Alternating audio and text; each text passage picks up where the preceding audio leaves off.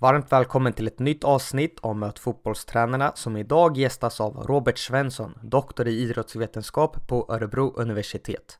Han berättar i podden om sin avhandling Från träningsoverall till trenchcoat, tränarens roll inom svensk herrelitfotboll.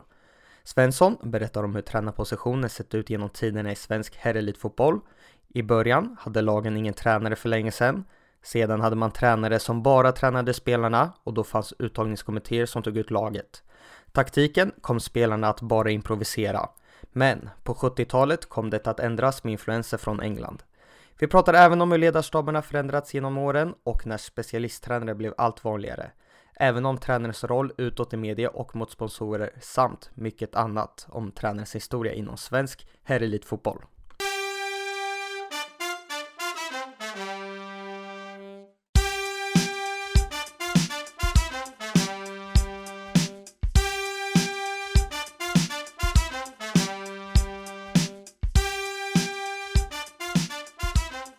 Varmt välkommen Robert Svensson till Möt fotbollstränarna. Tack så jättemycket. Hur mår du? Jag mår förhållandevis bra som i stort sett alla i dessa tider känner jag någon form av förkylning eftersom man känner av lite extra. Men ja, annars är det bra. Du jobbar ju på Örebro universitet. Hur, eh, hur är läget på universitetet idag? Eh, exakt hur det är just där vet jag inte för att jag jobbar hemifrån. Men det kommer just av, att, av det här coronaviruset. Och enligt rekommendationerna så ska vi jobba så mycket hemifrån som möjligt och från och med idag så ska all undervisning bedrivas på distans. Så att det är, om du går till campus Örebro så är det ganska så tomt där. Men eh, undervisning och forskning rullar på men ute i husen och lägenheterna istället. Hur är det då för din del? Är det extra mycket jobb med att lägga in allt digitalt och inte kunna genomföra föreläsningar på plats och så vidare? Jo, men initialt så är det ju ett stort jobb. Jag är också programansvarig för vårt sportmanagementprogram, så det är en del att styra upp så att lärare får den informationen de behöver och studenterna får den informationen de behöver. Men när vi väl har eh, kommit fram till exakt hur de olika föreläsningarna och seminarierna ska läggas upp och så, så tror jag att det kan rulla på smidigt för alla parter. Perfekt. I dagens avsnitt kommer vi att prata om din avhandling som du har gjort, men innan vi går in närmare på det tänkte jag bara en kort faktaruta för att lyssnarna ska få lära känna dig lite bättre. Det låter bra. Ålder? 37, i maj 38. Familj? Jag har en sambo och en son. Bor? Jag bor i Hampetorp som ligger i Östernärke ungefär 3,5 mil utanför Örebro. Titel? Jag är då eh, universitetsadjunkt och programansvarig för sportmanagementprogrammet vid Örebro universitet. Doktor i idrottsvetenskap. Favoritlag? knappt så jag vågar säga det i en sån här fotbollspodd, men jag har inget jag håller inte jättestarkt på något lag, men jag bor i Örebro så jag hoppas att det går bra för, för ÖSK och min farsa kommer från Växjö och har spelat i Öster, så jag, mitt hjärta slår också lite för, för Öster. Förebild? När jag var ung så var min idol Martin Dalin och och eftersom jag är fotbollshistoriker så fortsätter jag ha idoler som slutat ha spelat. Men jag gillar också Stefan Svarts väldigt mycket. Inte minst för hans otroliga inställning. Naturgräs eller konstgräs? Ja, men jag, när jag spelade själv så låg jag ner mer än vad jag stod upp. Och jag gillar att glidtackla och spela fysiskt. Och där tycker jag naturgräs inbjuder lite mer till. Så jag får säga naturgräs.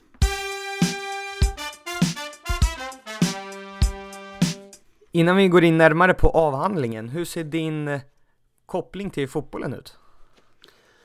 Som jag var nyss inne på här i, i faktarutan så spelade jag fotboll i ungefär 20 år. Inte på några jätte höga nivåer. Jag spelade i division 3 som högst. Var, eh, har ingen tränarbakgrund utan jag har bara liksom spelat själv. Sen så har man ju såklart följt fotboll en del, alltså på, på tv och live och så vidare. Men... Vad heter avhandlingen du har genomfört? Den heter Från träningsoverall till trenchcoat och undertiteln är Tränarpositionens förändring inom svensk herrelitfotboll mellan 1960 och 2010-talet. Hur väcktes dina tankar och idéer på att eh, genomföra det här? Eh, jag är historiker i grunden och eh, ja, ansökte då om en doktorandtjänst som det heter i idrottsvetenskap med historisk inriktning. Så att jag skulle göra något med idrott och historia var ganska klart. Och sen givet min fotbollsbakgrund så blev det ganska eh, självklart att det skulle vara något om fotboll. Och då pratade jag med mina handledare och eh, började sondera forskningsläget och då kunde vi se att ja, men, så mycket har inte sagts och gjort om just fotbollstränaren och givet att det nu är en sån centralfigur så skulle det vara intressant att ja, men fördjupa sig i tränarrollen och hur den har förändrats över tid. Hur genomför det här? Hur ser det liksom, hur ser startskottet ut? Det börjar med som att, som att vi gjorde då att man ringar in ja, men, på ett ganska liksom eh, övergripande plan vad man vill göra. Då ringar vi in då och tränaren som, som en intressant figur att, att följa och studera. Eh, och sen så börjar man läsa nationell och internationell forskning om det här ämnet och se vad som har gjorts tidigare och sen utifrån det så snävar man in exakt vad man själv ska göra och hur man ska göra det. Och då såg jag då att ja, men, eh, det har gjorts en del forskning men just den svenska herrelitfotbollstränaren fanns det mer att, saker att säga om. Och från 60-talet och framåt blir intressant för att det är på, på 60-talet som, som Svenska Fotbollförbundet eh, avskaffade det som kallas amatörreglerna. Vilket gjorde att eh, spelarna kunde börja tjäna pengar på, på, sin, på sin idrott. Och det gjorde att samtidigt att idrottsorganisationerna, idrottsklubbarna, fotbollsklubbarna behövde mer pengar. Så det här blir något form av, kanske inte startskott, men den, det intensifierar utvecklingen mot att idrott blir mer professionell och kommersiell och så vidare. Och, och det är därför jag startar då på, på 60-talet. Har du tittat någonting närmare på hur det såg ut innan 60-talet på tränarpositionen? Ja, det har jag gjort. Det har jag, ju, jag har inte liksom studerat det själv, alltså gjort en egen empirisk analys på hur det såg ut innan 60-talet. Men jag har ju läst forskning och vad den har sagt om, om hur det såg ut innan 60-talet. Hur såg det ut då? Ja, men om vi ska göra någon form av kortfattad historia, om jag nu, är, om jag nu kan hålla mig kortfattad. Jag har ganska svårt att hålla mig kortfattad. Men med det sagt så eh, man kan säga att fotboll etablerades i, i Sverige ordentligt i början av 1900-talet och vid den här tiden så var det ganska ovanligt att ha liksom en fast tränare utan klubbarna anställde tränarna innan viktiga matcher eller eh, liksom turneringar. Eh, men den allra största träningen den, den, den stod liksom spelarna för själv. De planerade och utförde träningen själv. Men 1910 så började den svenska serien, det som senare mera ska bli allsvenskan 1924. Och när den här nationella serien kommer igång och de internationella matcherna kommer igång. Innan spelade man ju fotboll inom ramen för, för OS. Sen bröt ju sig fotboll ut och skapade sig ett eget ett eget VM då 1930 och när liksom de här, den här ordentliga tävlingen kom igång då ville man också helt enkelt bli bättre. Och då började man anställa tränarna mer och mer. Så någon gång på 30-40-talet så, så började klubbarna heltidsanställa eh, tränarna. Eh, och det var en delvis gamla spelare men man tog också in mycket kompetens från länder som England, Österrike och Ungern som var liksom, eh, stormakten när det kommer till fotboll vid den här tiden. Hade det på något sätt liksom var det fult att man hade en tränare och var seriösa och att på det viset? Ja, men jag, jag nämnde inledningsvis de här amatörbestämmelserna och det var ett arv som och en, liksom en ideologi som kom från, från England från början. Och kortfattat gick det ut på att precis som du eh, frågan eh, hintar lite om så, så skulle man liksom inte anstränga sig för mycket när man idrottar. Man skulle idrotta för idrottens egen skull och att vinna till varje pris var fult. Då var man liksom inte en gentleman.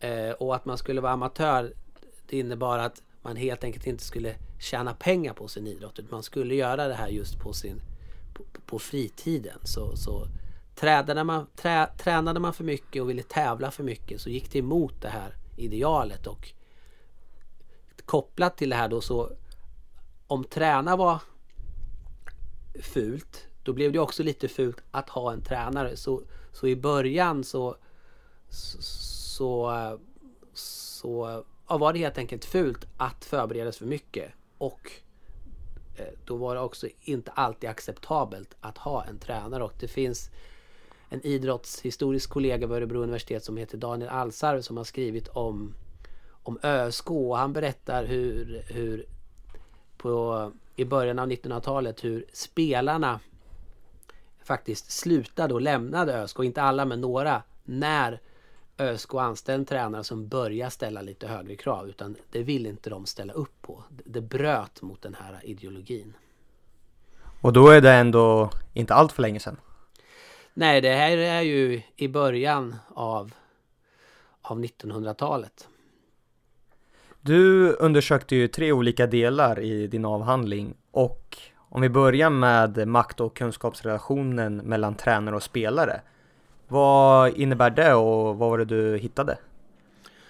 Precis. Eh, förutom då att jag undersökte perioden 60-talet fram till idag så precis som du är inne på så, så tittar jag på det lite från tre olika perspektiv. Och ett perspektiv är då hur relationen och makten mellan spelare och tränare har förändrats. Och och som, var jag, som jag var inne på tidigare så i början så skötte spelarna mycket av, av träningen själv. Sen på 40, 50 och 60-talet när tränare började heltidsanställas så börjar ju såklart tränaren få mer att säga till om. Men fortfarande vid den här tiden så låg ansvaret och makten om själva spelet, det vill säga taktiken, hos spelarna. De skulle på planen själva improvisera fram eh, eh, hur laget skulle spela. Och här hade oftast eh, lagkaptenen en, en framträdande position. Det, det tränaren framförallt skulle fokusera på det var den tekniska träningen och, och konditionsträningen. Men mycket av det andra lämnades över till, till spelarna själva. Och, och givet att det vid den här tiden fortfarande inte var tillåtet att skriva kontrakt så kunde heller inte tränaren ha så mycket makt över spelarna. För eh, man tränade kanske två kvällar i veckan. Så om spelarna ville göra, träna mer, då fick de göra det själva. Vilket då eh, indikerar att tränarens makt över spelarna var, var tämligen begränsad. Så man tränade ungefär två gånger i veckan och på träningarna var det mest teknik och kondition som gällde? Ja, om, om vi tillåter oss att och kortfattat och förenkla lite så, så, så, skulle jag säga att, att det såg ut så. Det, det kunde, jag menar, man definierar elitfotboll eh, som, de, som klubbarna i de två högsta ligorna. Det innebär att det är väldigt många klubbar så det kunde ju såklart se lite annorlunda ut i, i, eh, i olika klubbar. Men om, om vi ändå ska sammanfatta och generalisera så, så skulle jag säga att det såg ut så. Vad var det som hände 1970? Ja men eh, på 70-talet så, så, så, internationellt sett så, eh, så börjar liksom taktiken och eh, spelsystemen runt om i, i världen att, att utvecklas och Svenska fotbollförbundet och Svenska fo svensk fotboll generellt känner att ja, men vi, vi måste hänga med i den här utvecklingen. Vi, vi, och för att bli bättre, för att stå oss i den internationella konkurrensen så, så kan vi inte lämna över ansvaret på taktiken till spelarna utan vi måste, vi måste ta kontrollen så att vi kan styra spelarna bättre. Och styra spelarna bättre, det innebär helt enkelt att någon utifrån bestämmer vem, vem som ska spela och hur eh, laget ska spela. Och bland annat så kommer ju Bob och Roy till, till Sverige på 70-talet och de eh, kan, kan man säga kan vara ansiktet utåt för den här mer styrda spelet där det är tränaren som bestämmer hur, hur spelarna ska spela och de här um, och, och, svenska tränare influeras av detta. Så på generellt prat så kan man säga, och det har också forskare innan mig sagt, Thomas Pettersson i, i Malmö, att man kan se det som att makten över produktionen av fotboll flyttades från spelarna på eh, planen till tränarna på bänken. Så när Bob och Roy kom till Sverige så hade de ett väldigt stort inflytande och var det många svenska tränare som tittade på hur de arbetade och sen ville efterlikna dem? Ja men precis så kan man säga. Eh, en av dem jag intervjuat i min avhandling är Tord Grip och han berättade just att, att ja, men, många tränare blev väldigt intresserade av det här och även om de inte anammade precis allt och det och det här föranledde också en stor strid också i Sverige om hur fotboll skulle spelas. Skulle man ha det här jättesydda spelet som Bob och Roy företrädde eller skulle det vara lite mer upp till spelarna att det fanns en, en strid däremellan. Men med det sagt så generellt sett så, så influerades man mycket av Bob och Roy och helt enkelt började ha en tydligare idé om hur man ska spela och också träna taktiskt på, på träningarna. Eh, och det, eh, Tord, berättade också om att, att det fanns mellan år så här olika tränarträffar man hade och, och till de mötena så kom ju Bob och Roy och, och pratade om, om, sitt, om sitt upplägg och, där, och därifrån spred sen många av deras idéer. Har du undersökt något hur det här togs emot av spelarna, att det, typen av träning förändrades?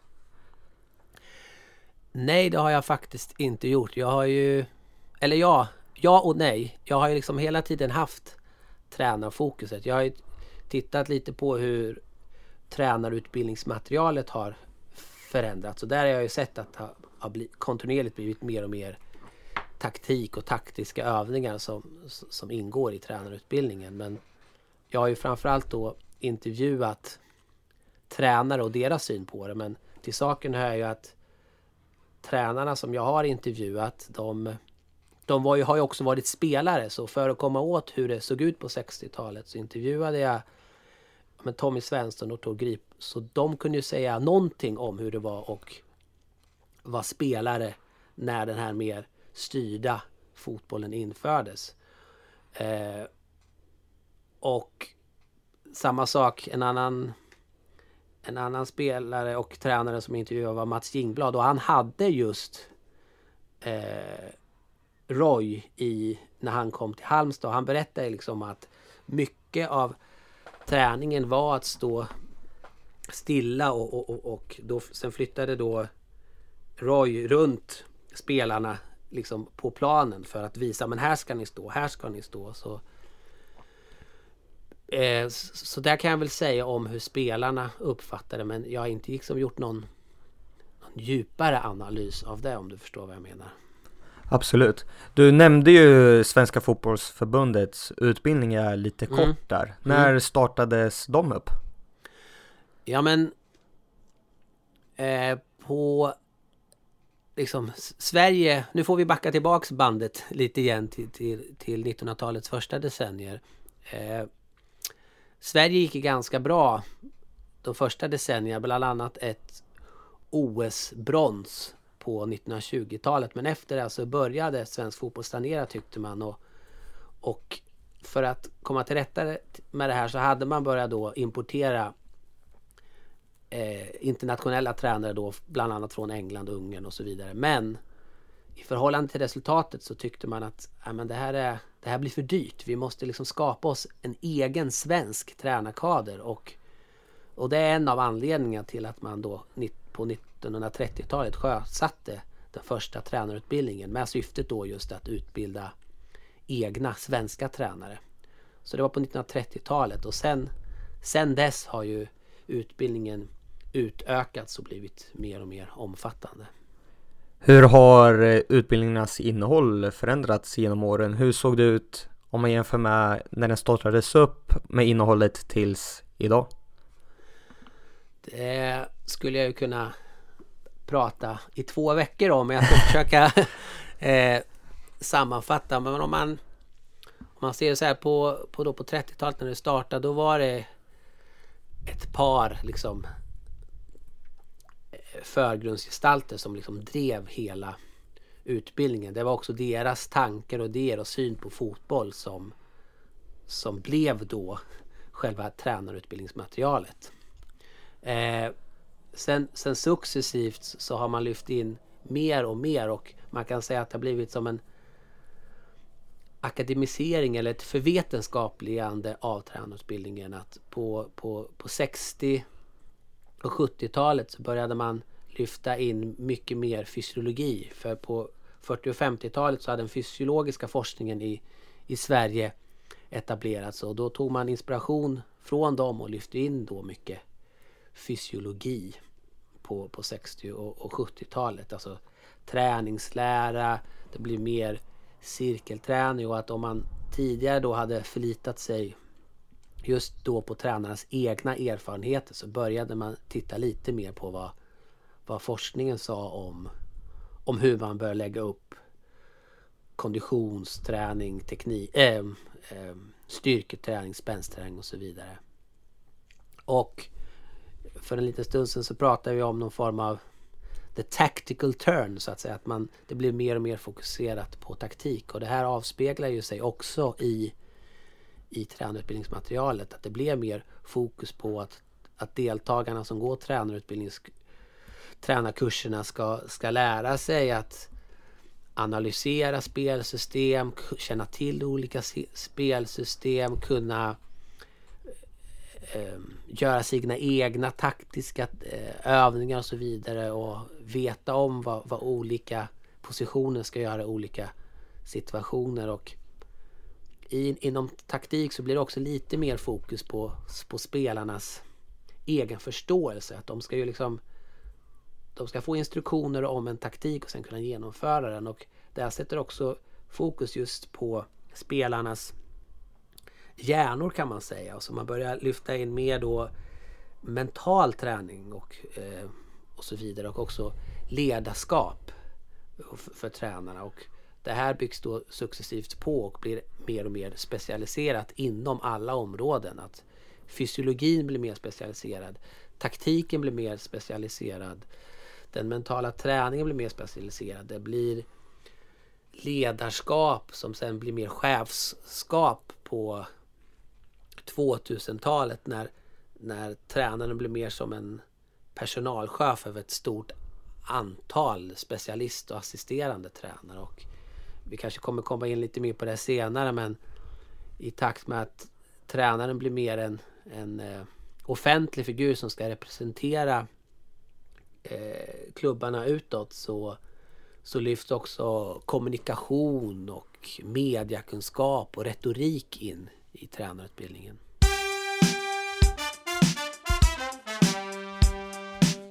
Även denna vecka är podden sponsrad av Matchmeal och deras träningkoncept Market. Så hur fungerar Matchmeal Market? Du som tränare, spelare, sportchef eller liknande beställer enkelt något av deras paket med populära energi och återhämtningsprodukter på Matchmeal.se. Paketet levereras sedan antingen via postombud eller direkt till klubbens kansli. Lådan förvarar ni smidigt i lagets omklädningsrum eller förråd där spelarna enkelt har tillgång till dessa produkter i samband med träning. Varje köp som görs antecknas på den lista som finns i lådan. På angiven dag betalar spelarna för produkterna de tagit och ansvarig ledare eller spelare kan i lugn och ro betala in den faktura som Matchmill har skickat ut. Även denna vecka är samma rabattkod med stora bokstäver MFT25 som ger hela 25% rabatt på valfritt market eller matchpaket från Matchmeal. Jag tycker du verkligen ska testa på dessa paket som Matchmeal har och stötta dem i tuffa tider som det är just nu. Stort tack till Matchmeal!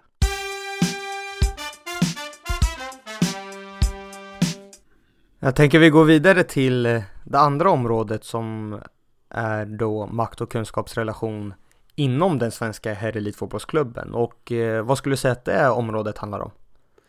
Ja men nu, nu när du ställer frågan igen så, så kommer jag ihåg att första temat var just relationen till, till spelarna. Sen svävar jag iväg men, men jag ska försöka då hålla svaret just mer kopplat till, till det här temat. Eh, jo men det jag vill ha sagt med det är att förutom att relationen till spelarna förändras så förändrades tränarens position i, i klubben. Liksom. Eh, om det på, på, på, på 60-talet så, så sa jag ju innan, eller fram till 60-talet så, så, var det mycket upp till spelarna att bestämma hur eh, eh, de skulle spela. Vid den här tiden var det vanligt med så kallade uttagningskommittéer som bestod då av kanske en klubbordföranden och lagledaren och någon till. Och de bestämde vilka som skulle spela. Så det här hade liksom inte tränaren kontroll över. Men när man då avskaffade de här amatörbestämmelserna vilket gjorde att man kunde börja betala eh, lön till sina spelare. Det gjorde ju då att man behövde ta in ha mer inkomster för att kunna täcka de här utgifterna. Och det gjorde att klubbarna behövde ställa om och fokusera just mer på eh, liksom kommersiell verksamhet. Samtidigt så hade man ju då eh, börjat kontraktera spelare så man fick mer och mer tid till spelarna. Men då behövde du ju någon som kunde fokusera på, på just spelarna under den här tiden. Och om man då samtidigt får skrivborden full med kontrakt som ska skrivas och pengar som ska dras in. Då behöver ju någon liksom ta över makten över spelarna. Det kan inte vara... Det finns inte tid för, för klubbledningen att ta hand om spelarna. Och, så då hamnar den här makten hos tränaren. Och att just tränaren fick makten kommer ju också av att tränaren blev någon som, som blev mer och mer, eh, mer utbildad. Eh, så, så, då kan man se det som att på, på, ja, men på mitten av 70-talet så, så öppnades det upp verkligen en, ett utrymme för, för en tränare med mer vakt, makt i klubbstrukturen. Och sen så Sen har det här ju utvecklats vidare för även om man började anställa spelare så hade man ännu inte råd i, på liksom 60 och, eller på 70 och, och 80-talet att heltidsanställa spelare. Så fortfarande var det Eh, liksom bara tränare som var heltidsanställd. Man började anställa lite assisterande tränare men det var heller inte på heltid. Så, så fortfarande gjorde tränaren ganska mycket själv. Eh, men med Bosman eh, domen 95 då som, in, så, som, som jag tar för givet att alla som lyssnar på den här podden känner till så, så för att inte alla talangfulla spelare skulle försvinna ut i, i, i Europa så insåg man att, att de svenska klubbarna, vi måste förbättra och förlänga kontrakten. Vilket då innebar att i slutet av 90-talet så, så blev liksom de flesta allsvenska spelarna heltidsproffs. Och det här innebär att man hade tillgång till spelarna 40 timmar i veckan. Och då kunde man inte bara ha en heltidsanställd. Så vad klubbarna gjorde det var att anställa fler och fler assisterande och specialisttränare som kunde bistå tränaren. Och då ändrades liksom eh, tränarens position i klubben ytterligare. Att den på något sätt flyttades upp i, i organisationsstrukturen. Att från att tränaren stod mycket på planen själv och gjorde övningarna själva så hamnade tränaren mer och mer i ett i ett kontorsrum eller ett konferensrum för att liksom planera och kommunicera hur träningen skulle gå till, till då sin, sin tränarstab. Och där, där, kan man på något sätt se att en förändring i hur tränarens position i själva klubben har förändrats. Jag, jag hör ju hur jag pratar på. Du får avbryta mig om, om det är något du inte förstår eller om det är något du vill ha förtydligat. Nej, det är inga problem. Jag hänger med. Men mm. så det var liksom Först var det en uttagningskommitté och vad var tränarens roll då och vilket år pratar vi om det här när tränaren inte tog ut laget? Ja, återigen gör jag reservation att det kunde se lite olika ut i, i olika klubbar men, men om, om vi tillåter oss att generalisera lite så, så de här uttagningskommittéerna det, det var ganska så vanligt eh, ända upp på, på på, på 60-talet. Och även i, liksom i, i, i svenska landslaget så hade man en, en, en uttagningskommitté. Men då i, i takt med att tränaren börjar få, få lite mer makt, också makt över taktiken, så insåg man att ja, men om tränaren har kunskapen om spelarna och, och träffar dem mer och mer och också börjar få taktisk kunskap, ja, men då blir det väl ganska givet att också tränaren ska ta ut vilka som ska, ska, ska spela. Så fram, jag skulle säga, ja men, ja men fram i slutet av 60-talet, 70-talet, då är definitivt eh, uttagningskommittéerna borta. När började det bli vanligt att ledarstaberna började växa och idag är de ju hur stora som helst? Ja men om eh,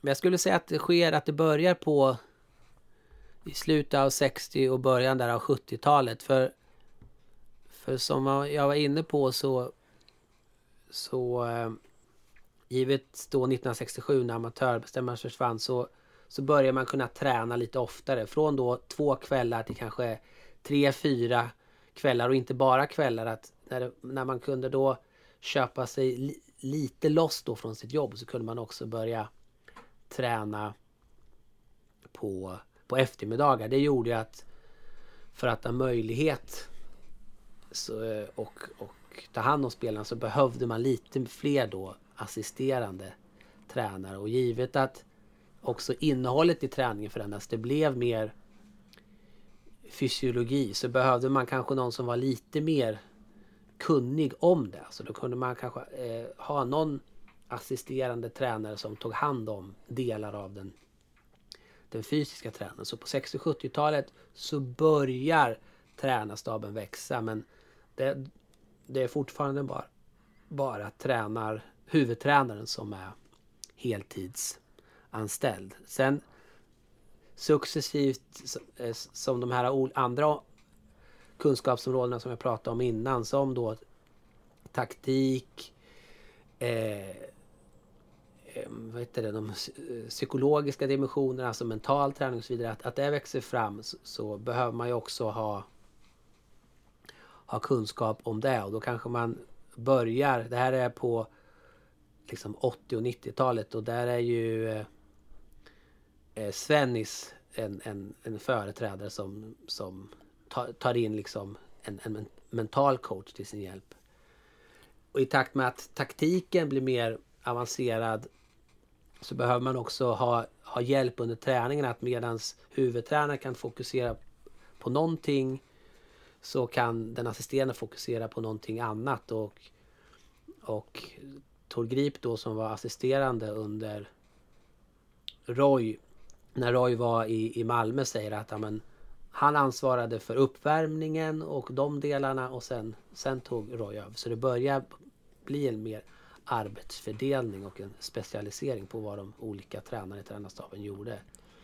Men det dröjer då ända då fram till slutet av eh, 90-talet där man liksom börjar verkligen heltidsanställa de assisterande också. Att det är framförallt från då och framåt som, som tränarstaberna eh, växer ordentligt. Var det också här som eh, ledarskapet hamnade mer i fokus hos huvudtränarna där deras roll blev att agera lite som en chef som du nämnde förut och, och över sin ledarstab?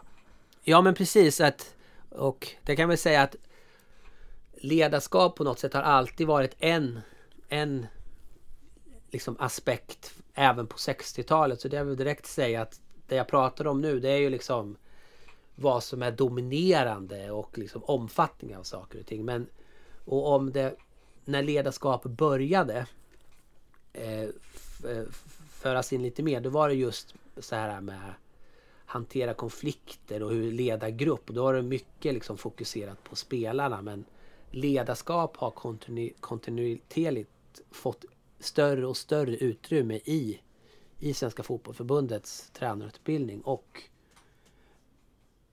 precis som du, du är inne på så i takt med att eh, tränarstaben har vuxit så har det också blivit mer fokus på det. Och, och det också, lyfter också in då chefskap just för att huvudtränaren blir någon som ska planera, organisera och leda inte bara spelarna utan också eh, tränarstaben.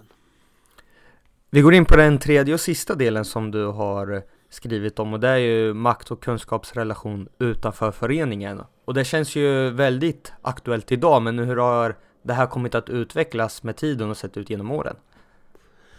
Eh, ja men jag började då på, på 60-talet och då Eh, den som liksom skötte kommunikationen utåt mot liksom media och fans och publik. Det var oftast ja, men antingen klubbordföranden eller det som kallas lagledaren. Den positionen är inte så jättevanlig idag. Men, men lagledaren var den som hade det övergripande ansvaret över liksom, laget medan då tränaren fokuserade just på, på träningen. Men, och det var heller inte helt ovanligt att lagledaren och klubbordföranden var en och samma person.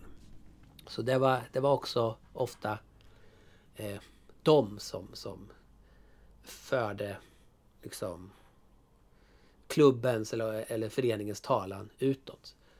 Eh, om, om vi ska generalisera. Sen visst fanns det någon storspelare i klubben eller om för den delen, ja men Gunnar Nordahl kom tillbaks och blev tränare i Degerfors och han var ju liksom en, en, en gigant på, på alla möjliga sätt. Så det är klart att pressen vände sig till honom eftersom han var populär och så vidare. Men då handlar det mer om vilken person han var eh, istället. Alltså snarare att det handlar om vilken person han var mer än att det var vilken position han hade som tränare.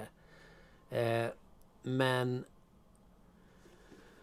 eh, numera när det är då tränaren som har allt ansvar över all idrottslig verksamhet kan man säga så blir det också den personen eller den positionen som blir intressant. Det är den eh, personen och positionen som med, media vänder sig till.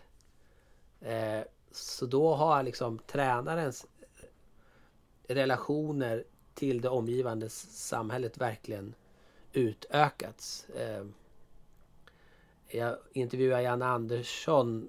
Då, vid, det, vid den tiden var han fortfarande tränare för IK Norrköping och han, han berättade att han liksom, har en stående punkt på de sponsorträffar som, som IFK Norrköping organiserar just för att kunna kommunicera ut och göra IFK Norrköping då i det här fallet attraktivt att, att samarbeta med. Då vill, då vill man få, få veta vad, vad händer i klubben och då är tränaren den man, man vänder sig till.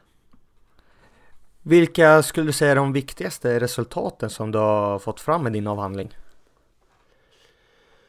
Det är en bra fråga som man brukar säga när det inte finns något givet svar. För ja, men jag har ju pratat på oavbrutet här ganska länge vilket visar att jag, jag, jag, jag, jag vill säga mycket och jag tycker att jag har fått fram mycket men, men snarare att kunna... Ja men det jag, det jag vill på något sätt åstadkomma med min forskning det är att just visa på att mycket har förändrats och exakt vad som är viktigast att, att, att lyfta fram, det tycker jag är svårt att säga, men just att visa på att ja, men, saker och ting har förändrats och utifrån det så kan man dra slutsatsen, ja men då hur det ser ut idag, det är ingen självklarhet. Det kan förändras. Det behöver inte vara på ett specifikt sätt. Och det, det är inte bara...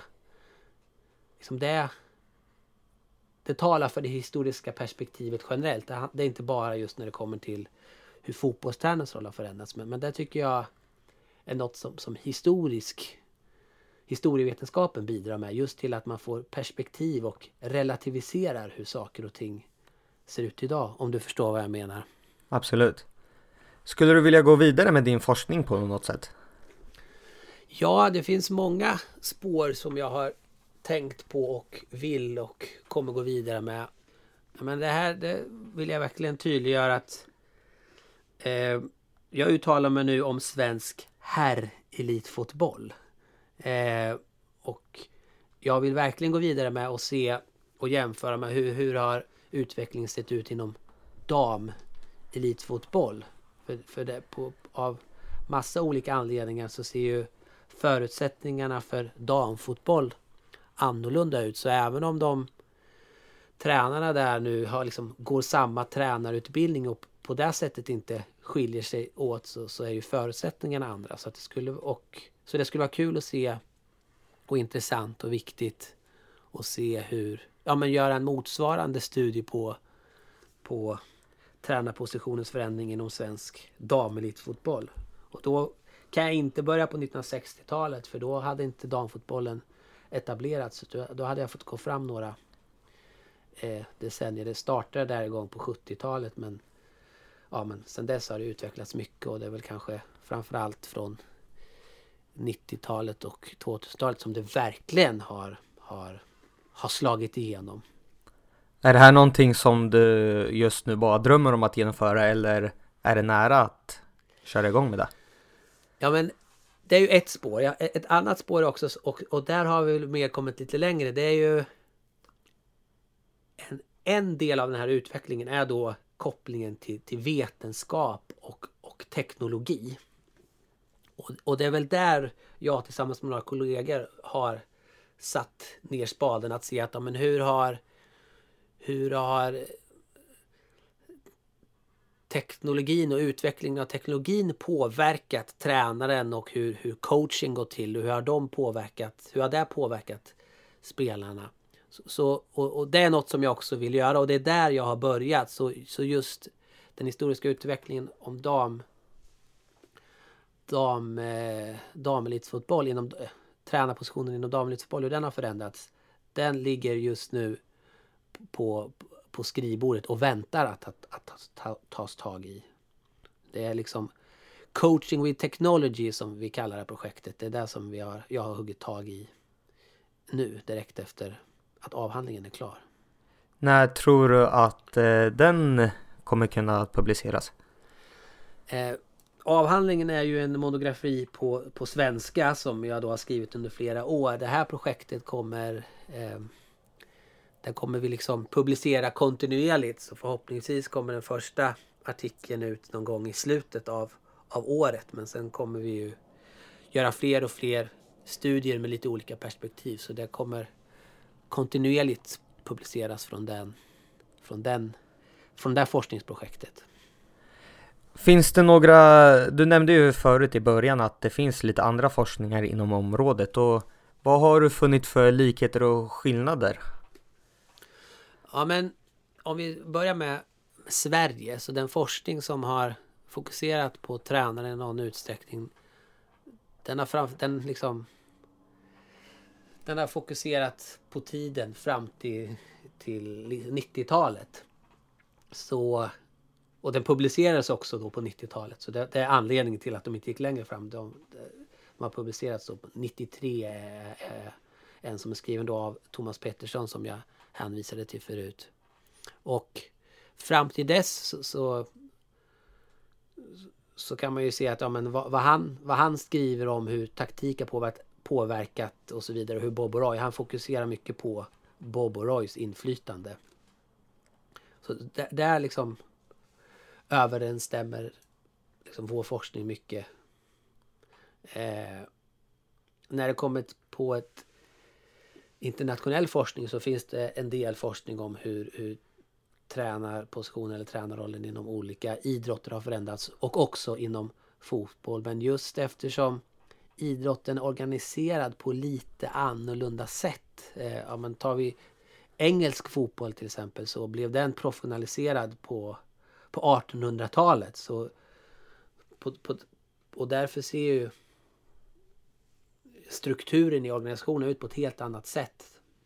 Så därför är det svårt att göra några direkta jämförelser. Men vad man ändå kan säga är att, att, att tränarstaben och folket runt klubbarna och spelarna, eller runt spelarna, oavsett vilken idrott det är, oavsett vilket land det är, så har ju det vuxit. Så att om vi nu kallar det head coach, manager eller tränare så kan man ändå se att den personen har fått då ett mer funktion som ledare och, och chef. Så där kan man väl se en, en likhet även om då det finns många skillnader som kommer av skillnader mellan hur, hur det ser ut i länderna och, och så vidare.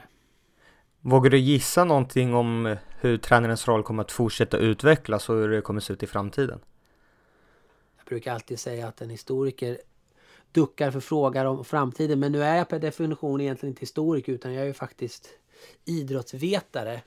Så även om jag inte kan ge några konkreta och tydliga eh, svar så kan jag väl ändå dryfta mig till att säga att givet att jag då tittat bakåt och sett att tränarpositionen har kontinuerligt förändrats och, och kan man säga blivit allt mer komplex så, så, så, tror jag att det kommer fortsätta i den riktningen. Att ja men eh, att tränarpositionen kommer fortsätta att, att förändras. Men exakt hur, eh, det vet jag inte. Eh, jag tror att liksom, specialiseringen av träningen kommer att, att fortsätta. Givet just för att vi får mer kunskap från vetenskapen, där vi utvecklar teknologi som blir digitaliserad så kan vi bryta ner spelarna och det spelarna gör i allt mindre och mindre delar och då behöver man en specialist på varje del. Så att det, därför tror jag att den här specialiseringen kommer att fortsätta. Inte utan att det är, är problematiskt såklart för att finns det jättemycket data, jättemycket information så måste den här eh, liksom, den måste samlas in, den måste tolkas, den kommer, måste kommuniceras och sen ska beslut tas. Och just kring det här kan det ju då vara problem och det är delvis detta som vi tittar då på i det här projektet Coaching with Technology. Men att oavsett att det finns problematik kring detta så tror jag att det är den riktningen vi kommer fortsätta med. Mer specialisering och, och på något sätt mer, mer folk. Och någonstans där i mitten som både spindeln och flugan i nätet så tror jag tränaren kommer stå och försöka leda och planera träningen på efter bästa förmåga. Finns det någonting som du vill lyfta upp som vi inte har nämnt under podden?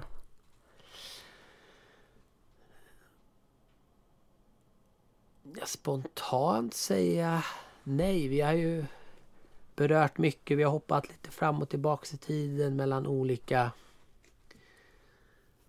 perioder och olika teman. Så jag, jag, tror att vi har täckt mycket. Är det något, något du kommer på?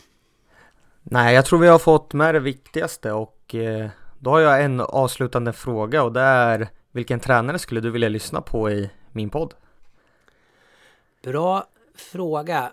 Han är inte aktiv tränare nu utan han är gruppchef för Svenska fotbollsbundets tränarutbildning och jag har konsulterat honom en del under min forskning och det är en, en mycket klok person och det är helt enkelt Urban Hammar. Han har varit tränare förut och också spelare men han är inte tränare men, men han, han tror jag du skulle få många kloka svar, funderingar och synpunkter ifrån om du skulle bjuda in honom om, om han har möjlighet att komma förstås. Men det är en person som är väl värd att lyssna på när det kommer till tränare och träning i Sverige. Om man vill läsa din avhandling eller har några frågor och vill eh, komma i kontakt med dig, hur gör man då? Om man vill läsa den utan att komma i kontakt med mig så kan man enkelt söka på titeln på Google eller Google Scholar som det heter som är Googles nisch mot forskning och då kommer det dyka upp en post och då kan man helt enkelt klicka på den och, och den finns tillgängligt i DIVA som den forskningsdatabasen heter där man helt enkelt eh, lägger in forskning och avhandlingar och så vidare. Så den finns gratis att ladda ner eh, i, i DIVA och man kommer också åt DIVA genom universitetsbiblioteket i Örebro. Vill man komma i kontakt med mig så kan man mejla mig på robert.svensson.oru.se. Perfekt. Stort tack att du ville gästa. Tack själv. Kul att jag fick, att jag fick gästa.